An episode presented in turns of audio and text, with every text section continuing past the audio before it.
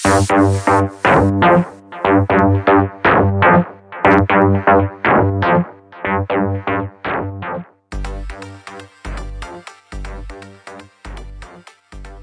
og velkommen til denne episoden av Mulighetspodden.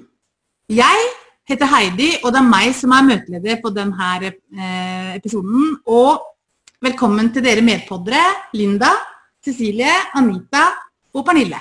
Takk. Hei. Og i dag så har vi vel den mest kjente og profilerte og suksessfulle eh, online business-dama som eh, vi klarte å, å hente fram til eh, denne eh, episoden. Hun er nordlending, blogger, mental trener og businesstrener og jobber med ledere og gründere som vil ta ut sitt potensial og gå for sine beste liv. Velkommen, Gry Sinding. Tusen hjertelig takk. Jeg likte introen din. Vi er venner med en gang. takk for det. Kan ikke du fortelle litt om, eh, om deg, Gry, og hvordan du har kommet dit du er i dag? Jeg starta som de fleste med et helt vanlig A4-liv. og eh, Henta ungene i barnehage og gikk til min konsulentjobb og hadde til og med pulk og dro på hytteturer på eh, ja, hver eneste helg. Og så eh, fant jeg meg vel eh, fant jeg vel ut til at jeg levde et liv som jeg ikke ville. Jeg holdt på å skrive bok og jeg fant ut at den historien som, som brant seg mest til når jeg torde å si nei, for jeg, jeg gjorde det alle andre forventa av meg, eller det jeg innbilte at de forventa av meg. Så jeg dro på en hyttetur eh, sammen med noen venner og fire timer utafor Oslo i snøko og storm og to unger som jeg ville hive ut vinduet allerede ved Sinsenkrysset. Så jeg starta med det og kom opp der, så måtte vi måke oss inn. Og jeg var så sur og gretten og bitchy, og, og så kommer vennene våre og sier bare å, dette er så koselig! Og det var iskaldt. Det var virkelig iskaldt. Og jeg tenkte bare hvor er vinflaska? Bare for det her eh, Unnskyld uttrykket. Jeg tenkte fuck me in the face. tenkte jeg bare Få den vinen. Jeg var helt jeg bare, Når ble dette koselig? Og det var det første gangen jeg begynte å tenke at nå må jeg si nei. Og etter det så ble jeg bedre og bedre til å si nei til ting som tappa meg for energi. Jeg hater snø, jeg hater ski, jeg hater vinter. Jeg liker ikke hytteturer, jeg utstår ikke kortspill. Og her satt jeg helg på helg på helg og gjorde det jeg trodde de andre forventa av meg. Og til slutt så begynte jeg å smugdrikke vin på do i plastkopper for å komme meg Eller så være såpass mye så hyggelig at jeg klarte å smile.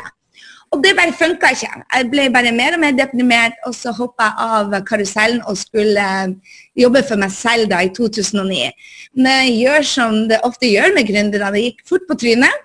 Jeg kunne ikke markedsføring, jeg kunne ikke salg, og endte på Nav i 18 måneder før jeg i ren desperasjon fant ut at hei, jeg må finne ut av dette livet jeg vil ha med en coach.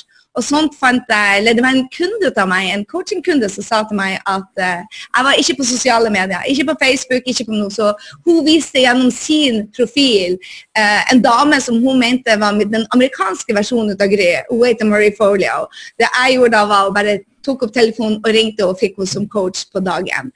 Og etter det så har jeg vel, vi har vel omsatt for over 30 millioner kroner i online-kurs eh, siden 2012 og har hjulpet ja, hundrevis av folk komme seg på nett og lage online-kurs. Jeg tenker at det er den, den mest effektive og smarte måten å nå ut til For, for, for gründere, eller for spesielt jenter, syns jeg det brenner jeg for. Jenter som vil hjelpe andre. Det var der jeg starta. Jeg ønsker å skape frihet for meg selv. Jeg ønsker å skrive frihet for familien min. Jeg ville bo rundt i verden. Jeg bor jo nå i New York, jeg bor i um, Frankrike, og så bor jeg litt i Drøbak og litt i Oslo. Og så nå skal jeg flytte til California. Så, uh, så jeg bor overalt. Jeg jobber fra like greit fra Maldivene til Mexico. Og føler det at det var det jeg ønska å gjøre. Og ja, Sånn starta det vel, at jeg ville ha frihet for meg selv samtidig som jeg ville gjøre forskjell for andre. Og Hvis du da tar kunnskapen du har opparbeida deg og pakketterer det enten i en bok, som min skrivecoacher Tina Holt hjelper folk å få kunnskapen sin ut i bøker, så hjelper jeg dem altså å få det ut i, i online-kurs. Mm. Kan jeg spørre, Hva var det første online-kurset du, eh, du, tok som fikk deg til å se at det her var noe du kunne lage? Jeg tror det var et kurs Jeg møtte han faktisk nylig. Han heter Eben Pagan. Og han kalte seg for David DeAngelo i gamle dager, hvor han hjalp folk med dating. Og han hadde et kurs som heter Altitude, som kosta 10 000 dollar. Og jeg kjøpte det ut av han um, for å lære meg å prioritere riktig og bli mer produktiv, og da skape en online business. Og han lærte bort marketing, produktivitet. og i tillegg så fikk jeg en coach med på, på, på kjøpet. Men jeg kjøpte altså han etter å ha sett noen videoer under falskt navn. Så han, så, okay, så han, hadde kurs i det å lage online-kurs og online business? Nei, jeg har aldri tatt et kurs i å lage online-kurs før lenge etter jeg hadde laget online-kurs. Han lærte også markedsføre. Mm. Vel, vel, han gjorde med et online-kurs. Ja. Men lagde du online-kurs i ditt første? Det, det online-kurset, de første jeg, jeg tok mitt første online-kurs for hvordan skape online-kurs, så hadde jeg laga 15 online-kurs allerede. Mm. Så jeg lærte jeg selv lært på det. Ok, så du, så du, så du, uh, du prøvde deg frem før du liksom øh, testet? Prøvde og feila. Ja, okay. Starta med en opt-in-side. Google is your friend. Jeg, jeg var i en mastermind hvor flere hadde gjort det, så jeg spurte. Men jeg satt og prøvde og feila. Og tidligere så, så jeg på meg som teknisk idiot, og det sa jeg hele tida. Det ble en del av identiteten min. Jo mer jeg sa det, jo mer blir jeg. Akkurat som jeg tok meg i det at jeg er dårlig med navn. Nei, Gry, du er ikke dårlig med navn. Du er god med navn. Du bare må skrive det ned og øve deg litt mer. Men det, det blir en, en, del av identiteten din. Så det jeg gjorde, var det at jeg hadde på um, Tonight's Gonna Be a Good Night, en uh, Arita Nei, hva det heter det? Florida-sangen. Så hver gang jeg satt fast, så gikk jeg på en trampoline og hoppa, for det hadde jeg lært uh, på Google. Tony Robins, faktisk. For Tony Robins sa det når du sitter fast, gå og hopp til, ta deg og på'n igjen. Så enten så jeg sto egentlig i to måneder og hoppa på den trampolina. Det jeg gjorde da, for å være helt sikker på at jeg skulle klare det, var at jeg solgte online-kurset 4.12. Jeg laga en salgsside, laga absolutt alt klart, solgte det. Og fikk vel solgt um, Jeg solgte, jeg lå på ei strand i Antibda bare for å bevise. Jeg var så nervøs at jeg holdt på å dø. Så jeg solgte det fra, med en automatisk e-mail mens jeg lå på en strand i Antib. Uh, og da solgte jeg for 120 000 på et par timer. Og det gjorde at jeg måtte sette meg ned og lage det kurset, for det hadde jeg ikke laga. Og da måtte jeg bli teknisk. Måtte bare lære meg det. Jeg hadde en deadline. Det skulle solgte det 4.12., og det skulle live 2.1. Uten sammenligning for øvrig, altså, men det er veldig godt å høre. For jeg har jo laga mitt første eh, online-kurs nå. Og jeg også solgte det inn før det var laga, og jeg kjente på den nervøsiteten. Uh, men det gikk greit. Det er bare å prøve. Så veldig bra. Min, min drømmekunde um, Henriette Lien, som du kanskje kjenner til, hun gjorde akkurat det samme. Vi, laget, vi satte oss ned, laga salgssida, opp den siden, bygde lista, markedsføre, markedsføre, markedsføre. Og så solgte hun kurset. Og så hadde hun laga vel første modulen klar, og resten er det kundene som avgjør. Og det er sånn de, de beste kursene blir. Mm. Og jeg sier til kundene mine, gjør det gjerne tre ganger før, før du har et kurs som kan selges igjen og igjen. For det første suger, det andre suger fremdeles, og det tredje bruker å bli bra. Men jeg har ennå ikke sett et online-kurs som er bra første gangen du gjør det. Enda ikke sett det. Hmm, interessant. Ja. Eh, første gang jeg så deg, Gry, det var i 2013, tror jeg. Som jeg da la det ut på YouTube en sånn der konkurranse om at uh, utfordre deg sjøl, lag en video på ett minutt og et eller annet, og bli med en konkurranse på et eller annet greier. Kunne vinne sikkert et online-kurs eller noe. da. Og Det var liksom min første eh, vekker da, til å bli synlig. Til å tørre å gjøre det. Så det takker jeg deg for veldig. Men for at når jeg ser deg, så tenker jeg at du er veldig synlig. Mm. Er det et fokus du har veldig sterkt, eller er det noe du tenker på, eller er det bare blir det sånn, eller?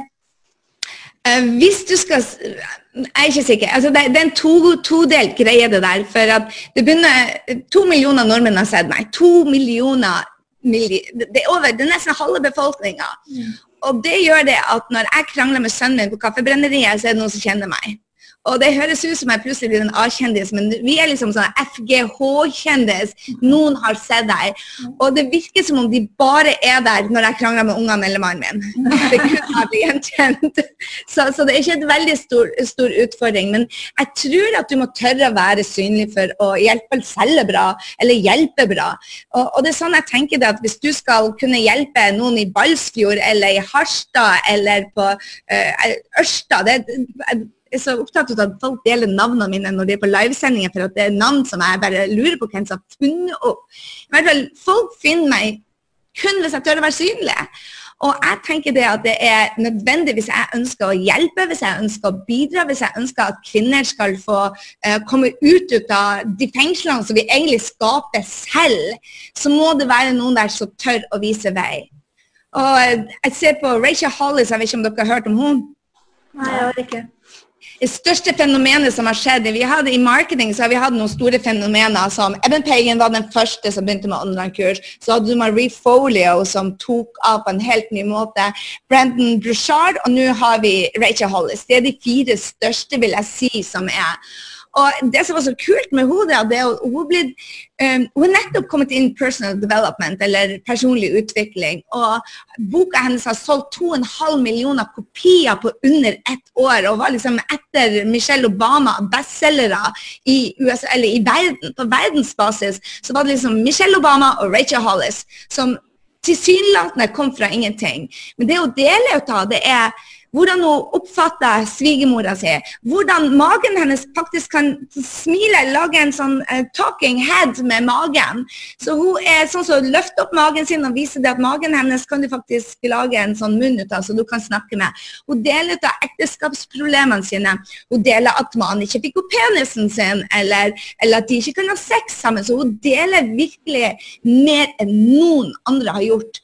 Og det gjør at hun har suksess. Hun har gått liksom fra noen få hundre tusen i fjor til mange millioner nei, 2017 til mange millioner dollar i 2018. 2019 bare Eventen hennes på 3500 mennesker var solgt ut på 20 minutter. Det får du når du tør å være synlig. Du får ikke det Ja. Hun er min største mentor akkurat nå, vi sier Brenn Bushard. Og hadde ikke hun vært synlig, så hadde ikke jeg funnet henne. Mm. Ja, for jeg har forstått det sånn at du har mange mentorer. Eh, hva er liksom hovedgrunnen til Eller hvilke settinger har du mentor, og hva er det grunnen til at du har de? Eh, kan du fortelle litt om det? Ja, nå sitter jeg jo litt sånn Jeg må trå litt forsiktig fordi at dere har valgt hverandre. Men det syns jeg er suger. Snakk om å velge den sakte veien. Men jeg kunne aldri tenkt meg å gjøre det. Jeg går til de som er best. Ferdig med det. Hvis jeg skal bli god, så går jeg til de som er best. Jeg henger ikke med folk som er like gode som meg. Jeg henger med de som er bedre enn meg. Ferdig med det. Og det er fordi at jeg vil ta av fort, og jeg vil gjøre en forskjell fort. Jeg vil ha effektivitet, jeg vil ha produktivitet, jeg vil gjøre noe bra med tida. Og da må jeg henge med de som er best. Så akkurat nå så har jeg fått en ny mentor som koster 300 000 i året, og folk er bare What? Hvor mye betaler du for mentorskap? Jeg betaler 15 av inntekta mi. Mm. De 15 forhåpentligvis blir å gå til en eller annen kås, men jeg gir både til jeg, jeg, jeg bor jo her i USA. Vi er vant til å gi til charity. Det er en av de første tingene. Vi venter ikke til vi blir rike med det. Vi gir liksom 10 ut av det. Jeg gir ikke 10% til det nå. Jeg gir mindre prosent, men jeg gir uansett hvor mye jeg tjener. Og så eh, passer jeg på å investere tilbake i meg selv. For nå når jeg går inn i f.eks. Jeg har elleve um, jenter inn i Mastermind. Når jeg skal gå inn til de, så må jeg kunne vise dem veien. Og nå har jeg nettopp hatt et møte med Brenton og bare Markedet endrer seg. Oh my god. Fra høsten så blir det ser annerledes ut. Hvis ikke jeg snakker med de som er i USA og kan dette, så kommer det som en overraskelse på meg. Det kan ikke jeg gjøre for kundene mine, og det kan ikke jeg gjøre for meg selv. Jeg vet når markedet blir å kollapse. Altså sånn cirka. Vi vet at nedturen kommer snart. Og vi forbereder oss allerede til det. Det er ti år siden, elleve år siden sist nedtur. Den kom, nei, ja, elleve år siden snart, siden sist nedtur. Den kommer innen to til tre år, eller ett til tre år. Og da er jeg der, OK, her er det vi gjør når dette skjer. Så hele tida foran. Jeg ligger ikke og gjør det som de andre gjorde i går. Jeg gjør det som, som er Så jeg har nettopp fått en ny coach. Det hun er steingod på, er å kjøre um, konkurranser og bygge liste. Og hvis du ikke bygger liste, så har du ikke en business. Det er hovedfokuset mitt, det er hovedfokuset kundene mine. Eh, og det er fordi at hvis du ikke når ut der, så, så folk som kjører online-kurs før de har 1000 på lista, så sier jeg bare 'welcome, be my guest'. Mm. Det gjør ikke mine kunder. Det er strengt forbudt. Men når du sier liksom at dere allerede, allerede, allerede nå forbereder deg på fremtiden, og, og det må vi jo alle, hva er det så, du tenker i forhold til de kurser, du lager? Hvilket fokus er det, du ønsker å ha fremover? Ku- Kursene endrer seg ikke. Marketing kommer til å være marketing. Men f.eks. marketing i en nedgangsperiode ser helt annerledes ut i en oppgangsperiode, selv om innholdet er det samme. Du snakker til kunden der de er, og det er vel det som skiller meg fra de fleste i markedet. Jeg bruker ekstremt mye tid på drømmekunden. Alt jeg snakker om, altså, vi mediterer på kunden, vi drømmer kunden, vi, vi, vi intervjuer dem. Vi går så dypt i kunden at vi kjenner kunden bedre enn de kjenner seg sjøl. Og de endrer holdninger og tanker når det er nedgangstider. Og hvis du ikke endrer det i markedsføringa, så selger du ikke, og så vet du ikke hvorfor. Så mitt talent er å gå inn, og, det mener jeg, går inn i alle kundene mine sine eh, eh, salgssider og sier bare hvem er drømmekunden, forklar den, sånn at jeg kan bli drømmekunden. Og så ser jeg salgssider, opt-in-sider, e-mailer fra kundens perspektiv, ikke som Gry. Jeg liker ikke hunder. Jeg liker ikke vinter, jeg liker ikke dansing, og jeg liker ikke mammakropp, men kundene mine elsker dette. Og da for at jeg skulle gi dem bra feedback, så kan ikke jeg være hun som hater hunder, jeg må være hun som elsker hunder og gjør hva som helst for hund, og syns at hun er hennes beste venn, og når han blir syk, så det er verre enn om hun blir syk. Ikke sant? Og da hvis jeg klarer, Derfor er det man må jobbe som en drømmekunde, sånn at andre kan gi deg feedback med å være den personen. Sånn som jeg kjenner deg, da, jeg er med på et av dine kurser faktisk nå. Eh, Det er kjempespennende. Og jeg Er tenker det på, at du er Er det på din reservasjon? ja. Å, så herlig! Skal jeg gå inn og lete etter deg? Og det som er, er at eh, du er så god på det å skifte fokus.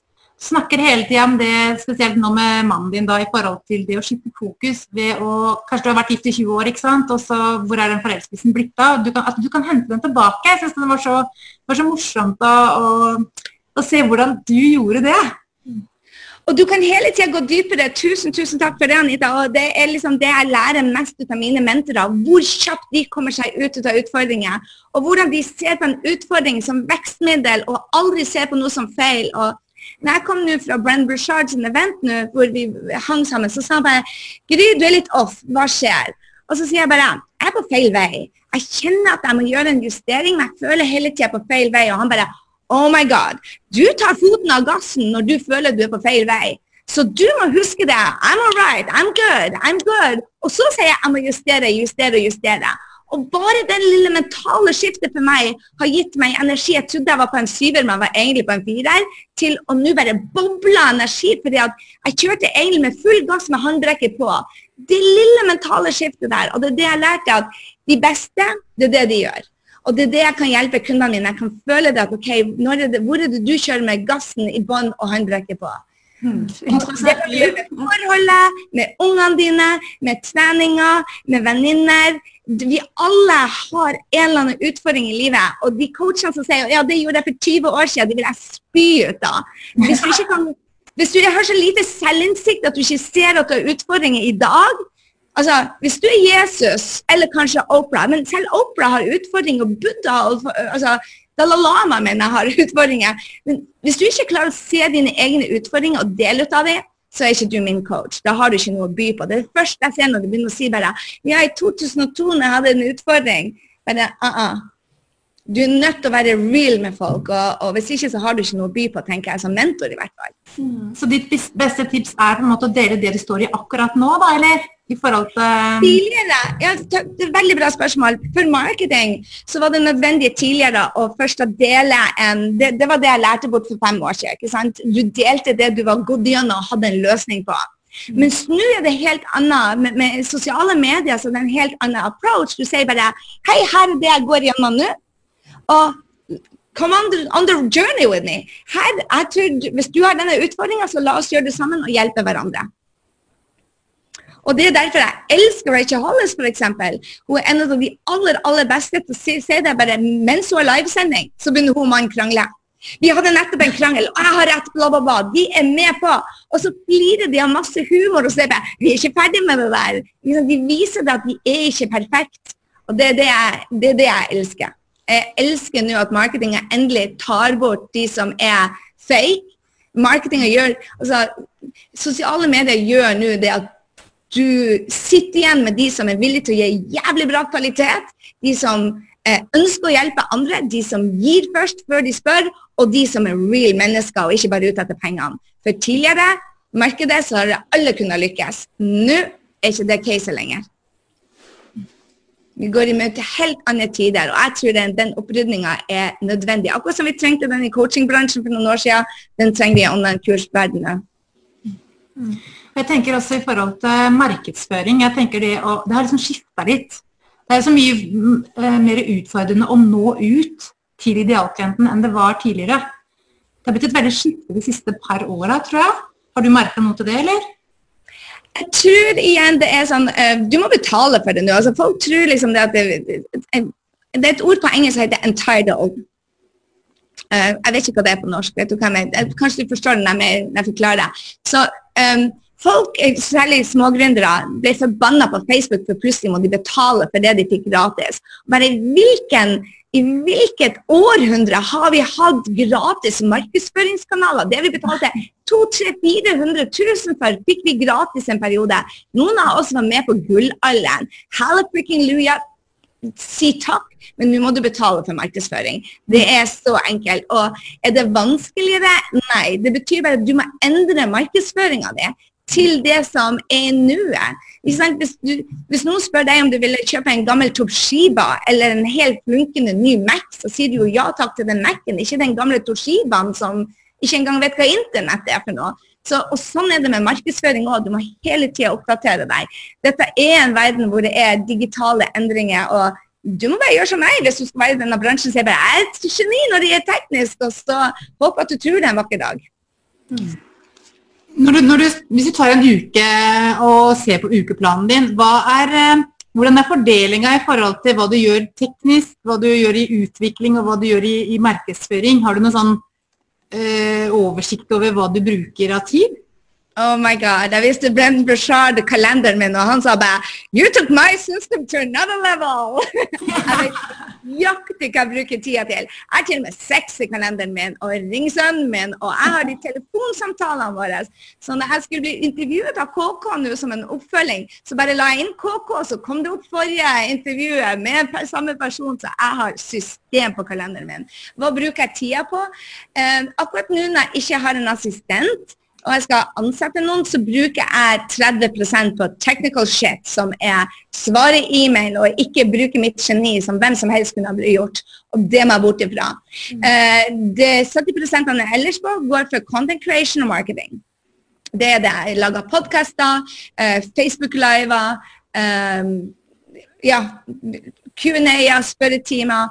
Uh, alt går på markedsføring. Og du, på sosiale medier bruker jeg hele tida, så Litt om det, for du er jo på veldig mange kanaler. Du er overalt. Altså, litt, litt, mer sånn Hvor er du? Marketing works, dem. For deg. Du har altså, Nevn noen, noen av stedene du er, Gry. Hva sa du nå? Jeg skjønte ikke spørsmålet. Nei, Kan du ikke nevne noen av stedene du er? Altså, Du har en egen podkast. Jeg er på Instagram, Facebook um, og, og podkast. That's about it. Okay. Ja. ja, ja. Og jeg er, på Instagram for, for faen, og fordi det er noe som er i sterk vekst, og jeg må kunne det for, for kundene mine. Uh, jeg tror du, og jeg, jeg tror ikke, jeg vet at de som er all over the place uten å mestre en kanal, de waste their freaking time. Uh, du må mestre én kanal. og det det, det både Jean Graciosi, som er en av mentorene mine, og Brenn Bushard sier at det de ser at folk bare går all over the place. Jeg snakket nettopp med Tina, og hun skal lage podkast. Jeg bare Yes, fine, men skap din første million først. For podkast er nice to have, og det er på lang sikt det er et av de geniale midlene for å komme ut der. For vi kommer til å få artificial intelligence før det har gått to år. altså Vi ser på det. Og de som har lyd ute der, de blir jo nå altså De kunne bruke det, ta tak i denne teknologien som er her innen to år, veldig fort. Men hvis du ikke tjener penger ennå, så er det galskap. Altså, Jeg kjenner toppodcaster som ligger øverst på listene. De kjenner ikke kroner. Og, eller veldig lite penger, så det knapt går rundt. Skal du kunne hjelpe millioner, så må du ha et produkt å selge. Og jeg ser jo det at det jeg får gratis, tar ikke jeg veldig mye action på. Når jeg har investert en halv million kroner på, så sitter jeg sånn her med ørene, de flagrer, og jeg tar til meg det som om det er det de sier gull. Og så er det akkurat sånn som, som jeg betaler folk for å si 'slapp av'. Gry. Jeg betaler veldig mye penger for å få meg til å slappe av. For jeg kan lese det i bøker, og jeg kan vite det, men til coachen min ser meg i øynene og sier bare 'Nå er du på vei inn mot den veggen hvis du ikke roer ned'. Og bare, ok, Hvis coachen min skal betale en halv million kroner til, sier jeg må slutte å jobbe klokken fem, da først så gjør jeg det. Men Hvor mange coacher har du, og i hvilke kategorier? Uh, jeg har, Akkurat nå så har jeg bare holdt på å si, to businesscoacher. Men det går i perioder. Forrige kvartal så jobba jeg på, på, forhold og på det personlige. Da hadde jeg ikke da kutta ut businesscoachen. Så jeg, der jeg har utfordringer, får jeg hjelp av de beste. Så jeg lærte det når vi hadde masse utfordringer med, med sønnen vår. Jeg var inne på BUP kontinuerlig. Uh, ja, det var, jeg ringte legen vår når han var fem år og sa nå hiver jeg ungen ut av vinduet, nå må dere komme. Så jeg var desperat. Og da fikk jeg en sosionom, tror jeg det heter, som sa til meg det at bare eh, ja, Kan ikke han bare si til at han skal sette ned ved, ved bordet, og så bort står jeg på og bare Har du unger? Har du noen gang jobba med ADHD-barn?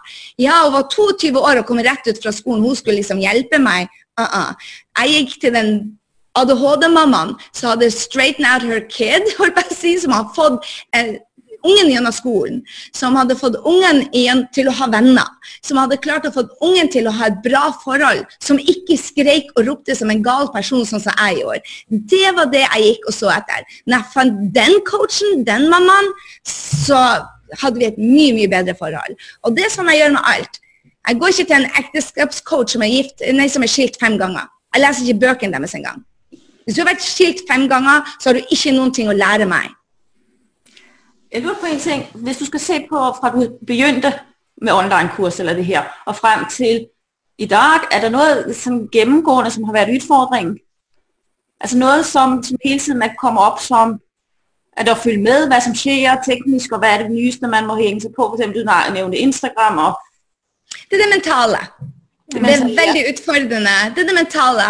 Og det er de, de samme greiene. Når du er ny i online-kurs, er det to forskjellige utfordringer. Når du er ny, og når du har holdt på altså Jeg har vært med på flere hundre lanseringer med kundene mine og meg selv. Så, så eh, jeg har ikke de, jeg vet at det kommer tekniske utfordringer hver gang. Jeg bare lurer på når den kommer og hvor den kommer. Så jeg forventer det. Det er en del av strategien. Bare, hva gjør vi når det går til faens? For det gjør det, garantert. Men det som er utfordringen, det, det er det mentale. Så, så um, når det ikke konverterer, eller når det ikke kommer påmeldinger, når den videoen ikke funker. Heldigvis er jeg, så god til å lese tallene. Jeg vet nøyaktig eh, si, altså, De tallene viser hvor det ikke fungerer. Hvis du kan lese tallene i en lansering, så vet du hvor det ikke fungerer. Og da kan jeg bare gå inn der og, og se på det. Men det mentale er mer på det at OK, jeg ga hele hjertet mitt. Hvorfor ser de ikke det? Ikke sant? Og så bare Hei, det er ikke deg, det er kunden. Du snakker ut ifra ditt hjerte, det er ut ifra kundens hjerte. Den, den endringa der syns jeg er utfordrende i hver. For at å, de må jo skjønne dette! De må ikke skjønne noen ting som helst. Dette er fra kundens perspektiv. Så du, du er litt schizofren. I ene øyeblikket er du kunden, neste øyeblikket må du gå og utføre oppgaven som deg. Så du lever liksom i de to rollene, og det syns jeg er utfordrende. Ja, jo, den ser jeg. Ja. Mm. Så det er sånn at du tenker på uh, tankene som helse, at du har liksom godt kosthold, du har trening, du har nok søvn, og du har på en måte for å få tankene på plass. Er det sånn du tenker? Jeg, jeg har en blogg om det. Det er 27 ting som uh, kundene mine og jeg har uh, satt opp som, som, går, som man må ta hensyn til. Hvor det er en av de. Og um, jeg kjørte Jeg gjorde en, en kalendertabbe. Jeg gjorde to kalendertabber i år. Og den ene kalendertabben jeg gjorde, var å um, feil jeg hadde feil data på når jeg hadde samling med Brendan. Så jeg gikk inn i en samling med Brendan før lansering og etter lansering. Og det er som å være i en sentifuge før og etter lansering. Det var ekstremt mental påkjenning. Så jeg, jeg har som regel ingenting før og ingenting etter. Recovery time. Men um, jeg har ennå ikke fått det til. ettersom lanseringer. Men når du er inne på lansering, jeg lurer litt på, hva tenker du, hvor lang, eh, altså, hvor lang tid tar en lansering for deg? Har det endret seg de siste åra? Den siste lanseringa di nå, hvordan gjorde du det? Eh, hvor lang tid brukte du på, på hele lanseringsperioden, og hvordan bygde du det opp? Fire, fire, lanseringer maks er det jeg mener man skal ha på lista si. Mm. Um, og Det betyr at fra den ene lanseringen er ferdig, så begynner du å bygge lista til neste lansering. Mm. Og du bygger lista. Så vi har prelansering, og så har vi pre-prelansering, og så har vi lansering. ikke sant? Og så, så i den, den, varer egentlig tre måneder. og Når jeg tar folk gjennom Skap online-kurs som selger, så sier jeg at det er minimum fire måneder dette tar fra, fra du kommer inn til du har levert kurset ditt. Og det er 2500 ting du skal gjennom i den perioden. Så det er det det tar for hver eneste lansering. Um, du, blir mer og du har mer og mer pregjort ikke sant, jo flere ganger du kjører lansering, men du skal gjennom alle de 2500 stegene uansett. Mm. Og det, det, som gjør at mine kunder går liksom fra 50 60 og 70 000 lanseringer til millionlanseringer, er at, de går inn på, at jeg går inn på hvert steg og måler tallene deres. For hvis du kommer i, i en lansering og ikke har noen tall, så vet vi ikke hvor det går. Altså hvor det går gærent. For hvis du har bare 70, 70 000 i inntekt, så gjør du noe feil. Men hvis du ikke har fått inn dataene, så kan ikke jeg gå inn og se hvor de feilene ligger. Så det jeg gjør, jeg tar dem igjen en vanlig lansering, og så går jeg inn etterpå så ser vi på alle tallene. Så jeg ser bare, ok, her må det forbedres, her må vi skru til, her er de tallene sånn som de skal være. Så jeg ser liksom alt fra videoer til e-mailer til klikkdata til Eh, og, det, og, det, er sånn man blir bedre, og det er sånn jeg blir bedre. Jeg måler de tallene og ser hvordan få opp hvert eneste tall. Så vi kjører fire identiske lanseringer før jeg slipper. Okay. Mm, okay. Og det gjør at de går fra 50 60 000 til 4 millioner på et halvt år. Og det er fordi at vi har tre lanseringer på det halvåret, og vi går inn og ser på intro på webinaret, outro på webinaret, første e-mail, andre e-mail, hvordan, hvilke spørsmål er det, hvilken objection er det? Altså Det er virkelig 2500 ting, og jeg syns veldig mange tar for lett på dette med online-kurs. bare Det er en del av det de gjør. Uh -uh. Skal dette funke, og du får hjelpe titusener av mennesker og gjøre en forskjell og frihet, så er det en fulltidsjobb. Mm. Du kan starte som en deltidsjobb, men det tar lengre tid. Men med å kjøre online-kurs, det er en fulltidsjobb, uten tvil. Og det er ikke noe du har bare på siden. Så sier folk til meg ja, men du er både gründerud, og du har skapt online-kurs som selger, og skapt en drømmejobb og din beste versjon. Yes, ma'am, men jeg laga alle de til en millionbedrift før jeg gikk videre. Jeg holdt på med dette siden 2009. Mm. Så jeg kan ha fem, men hvis du hopper på de fem uten å skape én suksess først, You're doomed to, uh, to mislykkes. Og det er det folk ikke skjønner, det at det, det, ser helt annerledes ut når du starter, og når du er fem år down the line. Mange spør bare kopierer Brendan sin strategi. Jeg bare ah, ah, jeg kan ikke kopiere hans strategi. Han er milevis foran meg, så jeg spør han her er nå, hva er neste steg? Og det er riktig spørsmål til coachen min. Ikke hei, jeg vil gjøre sånn som deg. Jeg spurte han nå her er jeg nå, la fram alle kursene mine.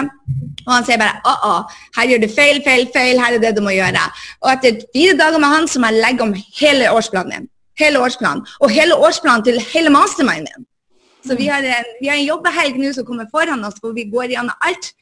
Her, jeg, ikke si det til dem, men jeg, de får vise meg hva de har planlagt. Så vi underviser, og så må du pinadø sette deg ned og planlegge hele året på nytt igjen. Men ikke si det til dem, for de er ikke klare for å gjøre den jobben igjen. Men det er det som er konsekvensen når markedet endrer seg. Hvis du bruker en gammel modell, f.eks. modell med eh, gratiskurs, bare folk sier gratiskurs, så vil de jo spy. Det funka ikke. Det funka for tre år siden. Men da kommer du til et visst punkt. Det er ikke det. Og det samme kommer til å bli nå med webinaret. Mm. Det, det, det, var en gang, ikke sant? Før sykla vi uten hjelm, nå sykler vi med hjelm. Når du vet bedre, så må du gjøre bedre. Og det, det, tror jeg folk må forstå det, at en, en, ting som fungerte for fem år siden, funka ikke nå. Og hvis du da ikke har en mentor da, som oppdaterer seg, derfor må jeg oppdatere meg. Eh, han, Regnskapsføreren min spør, spør meg det er virkelig nødvendig å bruke liksom, en million kroner på kurs i året. Jeg bare Yes, det er det. Dette er det jeg selger. Dette er det jeg hjelper folk med. Det er sånn jeg kan gjøre en impact for andre. Mm. Eh, bare spørre deg, hva, hva, hva syns du er fordelen med, med online-kurs? Både for Oh deg Og ta det på slutten! Hvor skal jeg starte? Bare, altså, drar, um, jeg, skal, jeg bestemte meg nå for to dager siden at jeg skulle flytte til California. Og det kan jeg gjøre. Dattera mi flytta ut dette året, og da flytta jeg til California, for der har de minst snø i dette landet.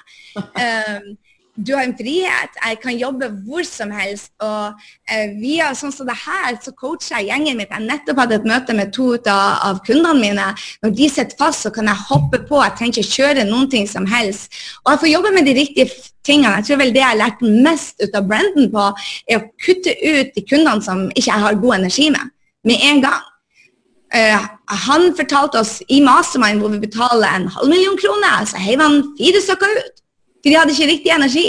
Og det var bare sånn mind-blowing til meg første gangen jeg gjorde. Men når jeg så hvordan det påvirka gruppa vår, og hvor bedre vi ble, og hvor, hvordan hele eh, vårt samfunn, altså vår lille gruppedynamikk endra seg, så tenkte jeg bare ah, han gjorde det ikke for seg sjøl, han gjorde det for oss. Og når jeg begynte å tenke sånn, hei, jeg må ta ut disse menneskene, ikke fordi de er dumme eller eh, uintelligente eller rett og slett vampyrer, det er bare av og til så får du energi som ikke matcher. Så på yogaen i går det var ei jente som sutra gjennom hele timen. 'Å, jeg har så vondt her og der, og jeg klarer det ikke.' og la, la, la. Jeg, bare, jeg kjente bare Jeg blir aldri å gå på den yogaklassen hvis hun kommer igjen. Jeg bare har nulltoleranse for negativ energi. Og det tenker jeg flere kunne Folk spør meg hvorfor jeg har så mye energi. Jeg bare jeg gjør de tingene som skal til. Også kutter ut familiemedlemmer, gamle venner som, som jeg ikke har interesser med. Eh, jeg er kynisk på hvem jeg lar være i livet mitt. Hvis ikke jeg har god energi, ønsker å hjelpe, og f.eks. bare her, Folk som kommer inn til meg og sier 'Jeg vil tjene penger, jeg må tjene det fort'. Bare mm -mm, ain't, ain't my girl. Nei. Eh, kan jeg bare spørre, Er det noe du har lyst til å dele med lytterne som, som ikke vi har spurt om nå? Er det noe du på en måte kunne tenkt deg å dele? Jeg tror det som tok meg lengst tid å forstå, og det gjorde at jeg var 18 måneder på Nav og to år uten å tjene penger, var det at det er akkurat som en tannlege. Når du tar tannlegeutdannelsen, så får du lov til å bore folk i tennene.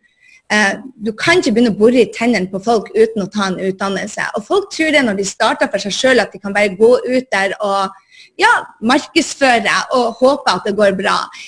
Det tar tid, og jeg tror mange taper både tid, penger, energi, frustrasjon. og eh, hvis vi først tar en utdannelse i, og hvis det er online-kurs, eller tar en utdannelse altså det å ta, Før du begynner å coache, så tar du en coachingutdannelse. Når du skal selge på nett, så må du lære deg salg på nett. Og det er, det er akkurat som med tannlegebransjen. Den er i utvikling. Hver eneste år så må du videreutdanne deg. Og så når du klarer å se på det som en utdannelse, så begynner du å se på deg selv som en profesjonell, og at dette er en karriere. Og da tar man først av, spør du meg. Og det er en mental holdning som sier bare du må investere i deg selv. Det er sånn at Yogatrenere de slutter ikke å gå på yogakurs, men de slutter å utdanne seg på markedsføring, og så lurer de på hvorfor de ikke har kunder. Og det tenker jeg, dette er, Markedsføring er 80% av jobben din hvis du driver på med online-kurs. 80% av jobben din er markedsføring. Og det gjør du i kommentarene på Facebook, det gjør du i e-mailene, det gjør du på hvert eneste Du, du er et brand. Du, du, du markedsfører også når du er på butikken. Så hvis du er en person, person som søker i utgangspunktet, har du ikke sjanse i denne bransjen. Du må være en god person. Er det en måte å gjøre det litt effektivt på? Jeg ser du kjører live både på Instagram og Facebook samtidig. Det er jo eh, Kjører du Det er avansert. og det, Hvis du er dårlig på å kjøre live i utgangspunktet, så for all del ikke gjør det. Gjør det når du har Det er det jeg sier. Mestre én ting i gangen. Mestre én ting i gangen og gå videre. Bygg på, bygg på, bygg på. Når du ser det at du altså Hvis du ikke får kommentarer, hvis du ikke får folk til å engasjere seg, hvis du ikke får folk til å dele, begynn å gjøre det i to kanaler. Drite deg ut i to kanaler, gjør to, to feil i to kanaler, ser ikke jeg noe hensikt med i det hele tatt. Jeg sier bare mestre én ting i gangen, bli rågod på det, og så adder du på og adder du på og går dypere og dypere og dypere.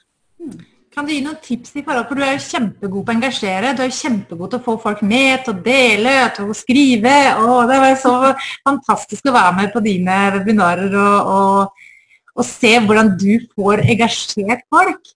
Eh, har du noen tips å dele på det? På webinarer så er jeg 100 ganger bedre enn f.eks. livesendinger. For jeg trenger, en, jeg trenger 90 minutter med folk. Jeg trenger tid med folk og varme dem opp. Jeg er sær. Folk er liksom bare Å, gud, og det er så full over seg til å skravle, skravle, skravle, bare opptatt av deg selv. Men når de får halvannen time med meg, så ser de at hei, jeg er her for deg. Jeg gjør dette virkelig for jeg brenner for at du skal lykkes.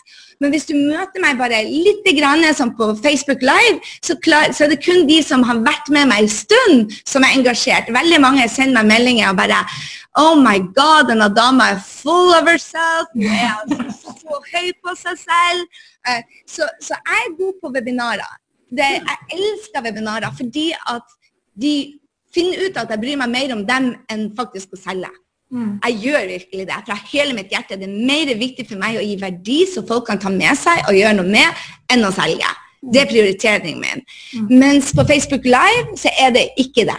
Så, så, mens hvis du ser på f.eks. Karianne Stenshagen, en av kundene mine, på Facebook Live, så har hun 5000 følgere, og hver eneste video har liksom 10 000 mennesker som har engasjert seg. Så hun derimot er steingod på det kortere og må øve seg mer på webinar. Så jeg tror vi har våre Jeg trenger tid med folk. Folk sier det bare. Har du lyst på en sånn TED-talk? 15 minutter? Me ain't gonna happen dette året. jeg tror det er liksom hvor, hvor vi ligger i, i geniet vårt. Henrik, mannen min, har spurt meg å, det er noen som fungerer best hvis vi er kort. Jeg bare, ja, Har du ever sett det? Jeg har ikke klart det. Jeg, jeg, tror du må bare jobbe i geniet ditt, hvor du er best, hvor du føler det, at du gjør en god jobb, ikke bare hva som er populært. For jeg er ikke kort. Hvis jeg skal si fuck off til folk eller sparke de i ræva, så må jeg ha tid med dem som de vet at det kommer faktisk fra hjertet. Så blir jeg jo bare en drittkjerring. Og, og, og, og, det kan jeg ikke være. Ikke sant? Så, så, du må Jeg tenker at det viktigste er at du istedenfor å følge alle trendene altså på SD Live i 2014 så sto jeg naken for publikum i bare den der for Alle sa bare sånn 'Å, Gry har så fin kropp, hun er så perfekt', og se håret og mikrofoner. Og så dro jeg opp bare hele kjolen og viste den kondomdrakten jeg gikk på, sånn at de ikke skulle se magen min. Og alle var bare sånn 'Kan ikke tro hun gjorde det'. Men det er en av grunnene til at når jeg gjorde det på, på YouTube i 2010 eller noe sånt, så fikk jeg følgere, for de sa bare Gud, du ser så bra ut og så slank, og så føler du deg litt. Hvordan er det mulig? Jo, her er grunnen til det. Og jeg tror hvis du tør å si det folk Det folk tenker, men tør ikke å si høyt, for de føler seg litt utafor. En av de tingene som, som også folk resonnerer med meg, er at jeg sier det, vet du hva? Jeg har ingen bestevenninne. Jeg skulle ønske jeg hadde en bestevenninne som jeg kunne ringe til dag og natt. Jeg har fem venninner som jeg kan gjøre til, men det føles ikke naturlig. Og når jeg ser sånne bestevenninner, sånne gussi-gussi, så blir jeg rent misunnelig om å jobbe med mental trening for alt det er verdt å være. Og jeg er sikker på at de baktaler hverandre. Jeg må justify det i mitt eget hode. Første gangen jeg sa det høyt, så var alle bare sånn Oh my God. Sånn har jeg òg det. Og jeg tror det hvis du tør å si hva som egentlig skjer oppi hjernen din, hva du egentlig plager deg, så, så er du på rett vei. Men ikke forvent å tjene penger på det i starten. Nei. Men hvordan takler du det der med negativ tilbakemelding? Negative folk? Brent jeg sutra til coachen min, jeg drar han mye fram her, men Marie Folio sa det òg til meg. ikke sant? Hvordan klarer du å ha fokus på de syv De spurte meg hvor mange følgere har du som elsker deg, som virkelig sender deg mail, som heier på deg, som vil deg vel. Og da sa jeg jeg har tusen sånne. Nå er jeg tusen superfans som virkelig heier på meg og er, er på kursene mine. og uh, når jeg sender ut noe, så åpner det. Og så sier de OK, hvor mange virkelig hater deg? For jeg hadde en sånn kampanje gående på 24 sider i alle aviser. Hvor mange er det som virkelig hater deg nå? Så jeg, Syv. De, de, de, virkelig hater meg. Og så spurte han hvordan kan du tillate deg å ha fokus på de syv istedenfor de tusen. Og etter det så har jeg ikke tillatt meg selv å ha fokus på de syv. Jeg har fokus på de tusen. Så, så når jeg får en, en mail hvor hvor jeg får beskjed om at jeg suger. Og det gjør jeg nesten daglig. Okay. Så det jeg det. Jeg deg. Og det er tenker det at det handler virkelig ikke om meg. Hvis du har behov for å fortelle noen som du ikke kjenner, at de suger, så er det deg det er utfordringer hos, ikke hos meg. Jeg syns du er så god på det å være ærlig og, og fortelle hvordan du føler det i forhold til det. da.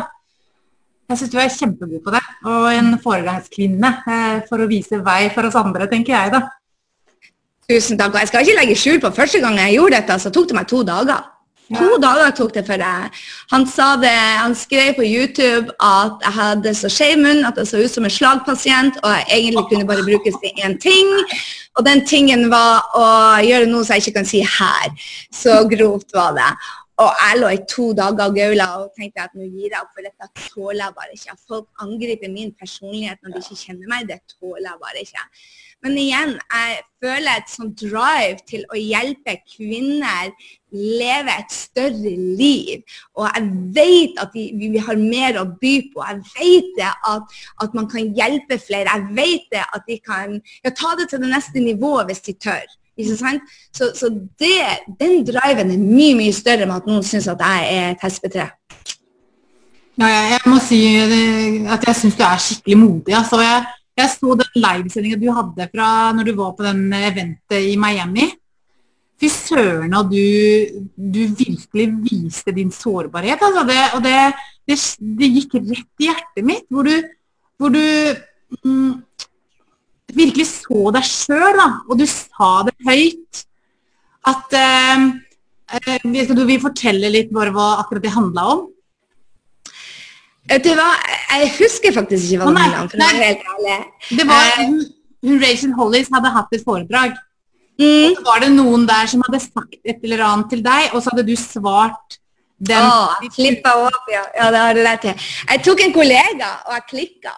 Var, hadde ingen filter. Vi var i en sånn coaching-situasjon hvor vi måtte gå dypt i oss selv. Og så skulle vi dele, hvor vi delte virkelig hva det som stoppa oss, og det vi var flau over, og det som gjorde vondt, rett og slett.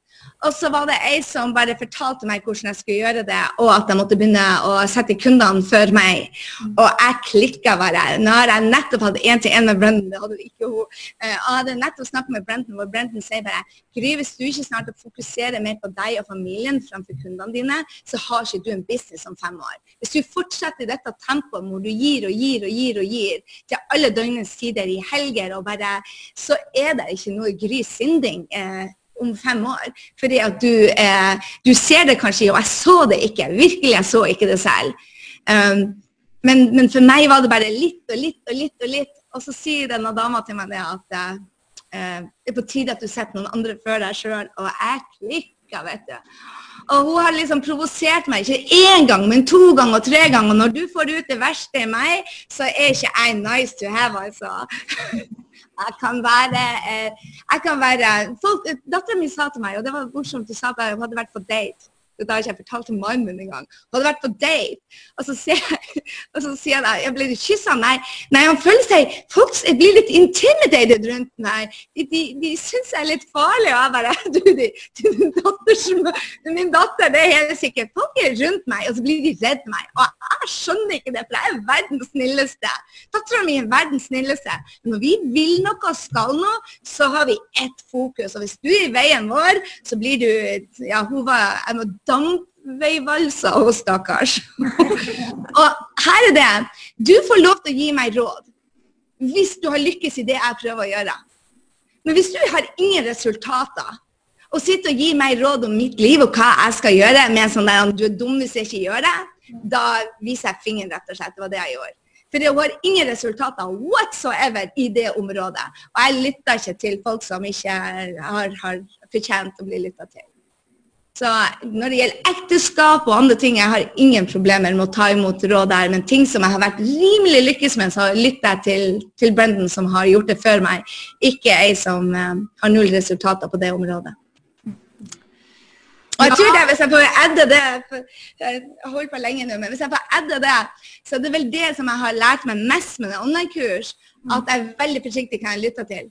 Jeg, eh, et stort selskap hvor de solgte um, helsekost. Og dette var de, de toppselgerne, de to mest usunne personene jeg kan tenke meg. Da, da, får jeg vondt i magen. Sånne selskaper kan ikke jeg være en del av. Mm.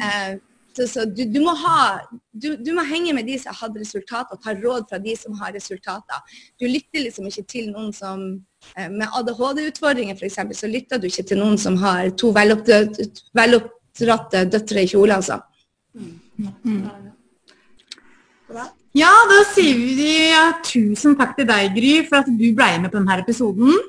Um, takk for at jeg fikk være med. Ja, det var kjempehyggelig. Og, men hvor, hvor, finner de deg? Kan du bare si kort hvor lytterne finner deg? Grysending.no er det letteste, og det er vel Grysending på Insta, på Facebook og her. Og. Den mest spennende plassen er, hvor jeg deler mest er vel Insta-stories akkurat nå. Mm. Og det er der jeg tester hvor åpen og ærlig kan jeg være. Og hvis du følger med der, så ser du at jeg ofte er inne der og sletter.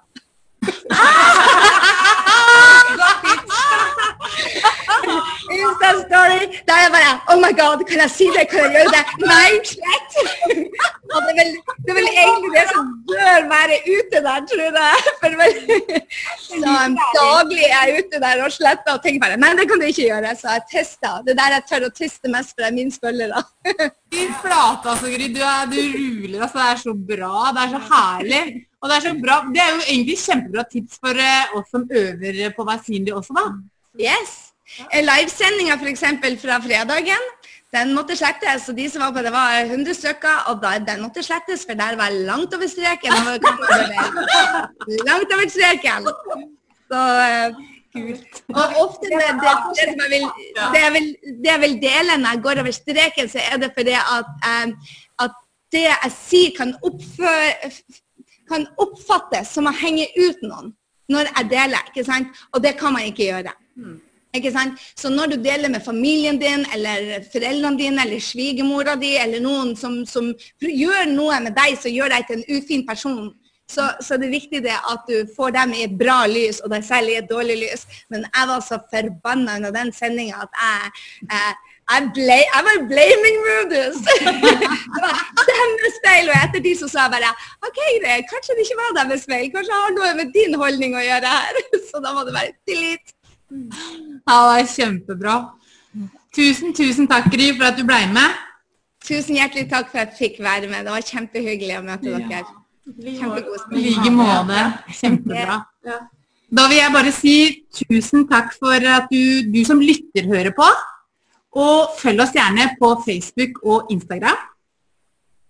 Eh, vi har en kjempefin Instagram-konto for øvrig, hvor vår eh, designer Pernille har laga masse fine bilder. Det er eh, fantastisk å se.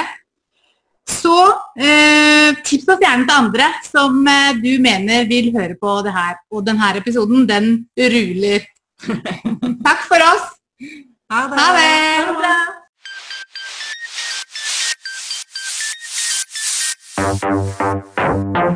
Thank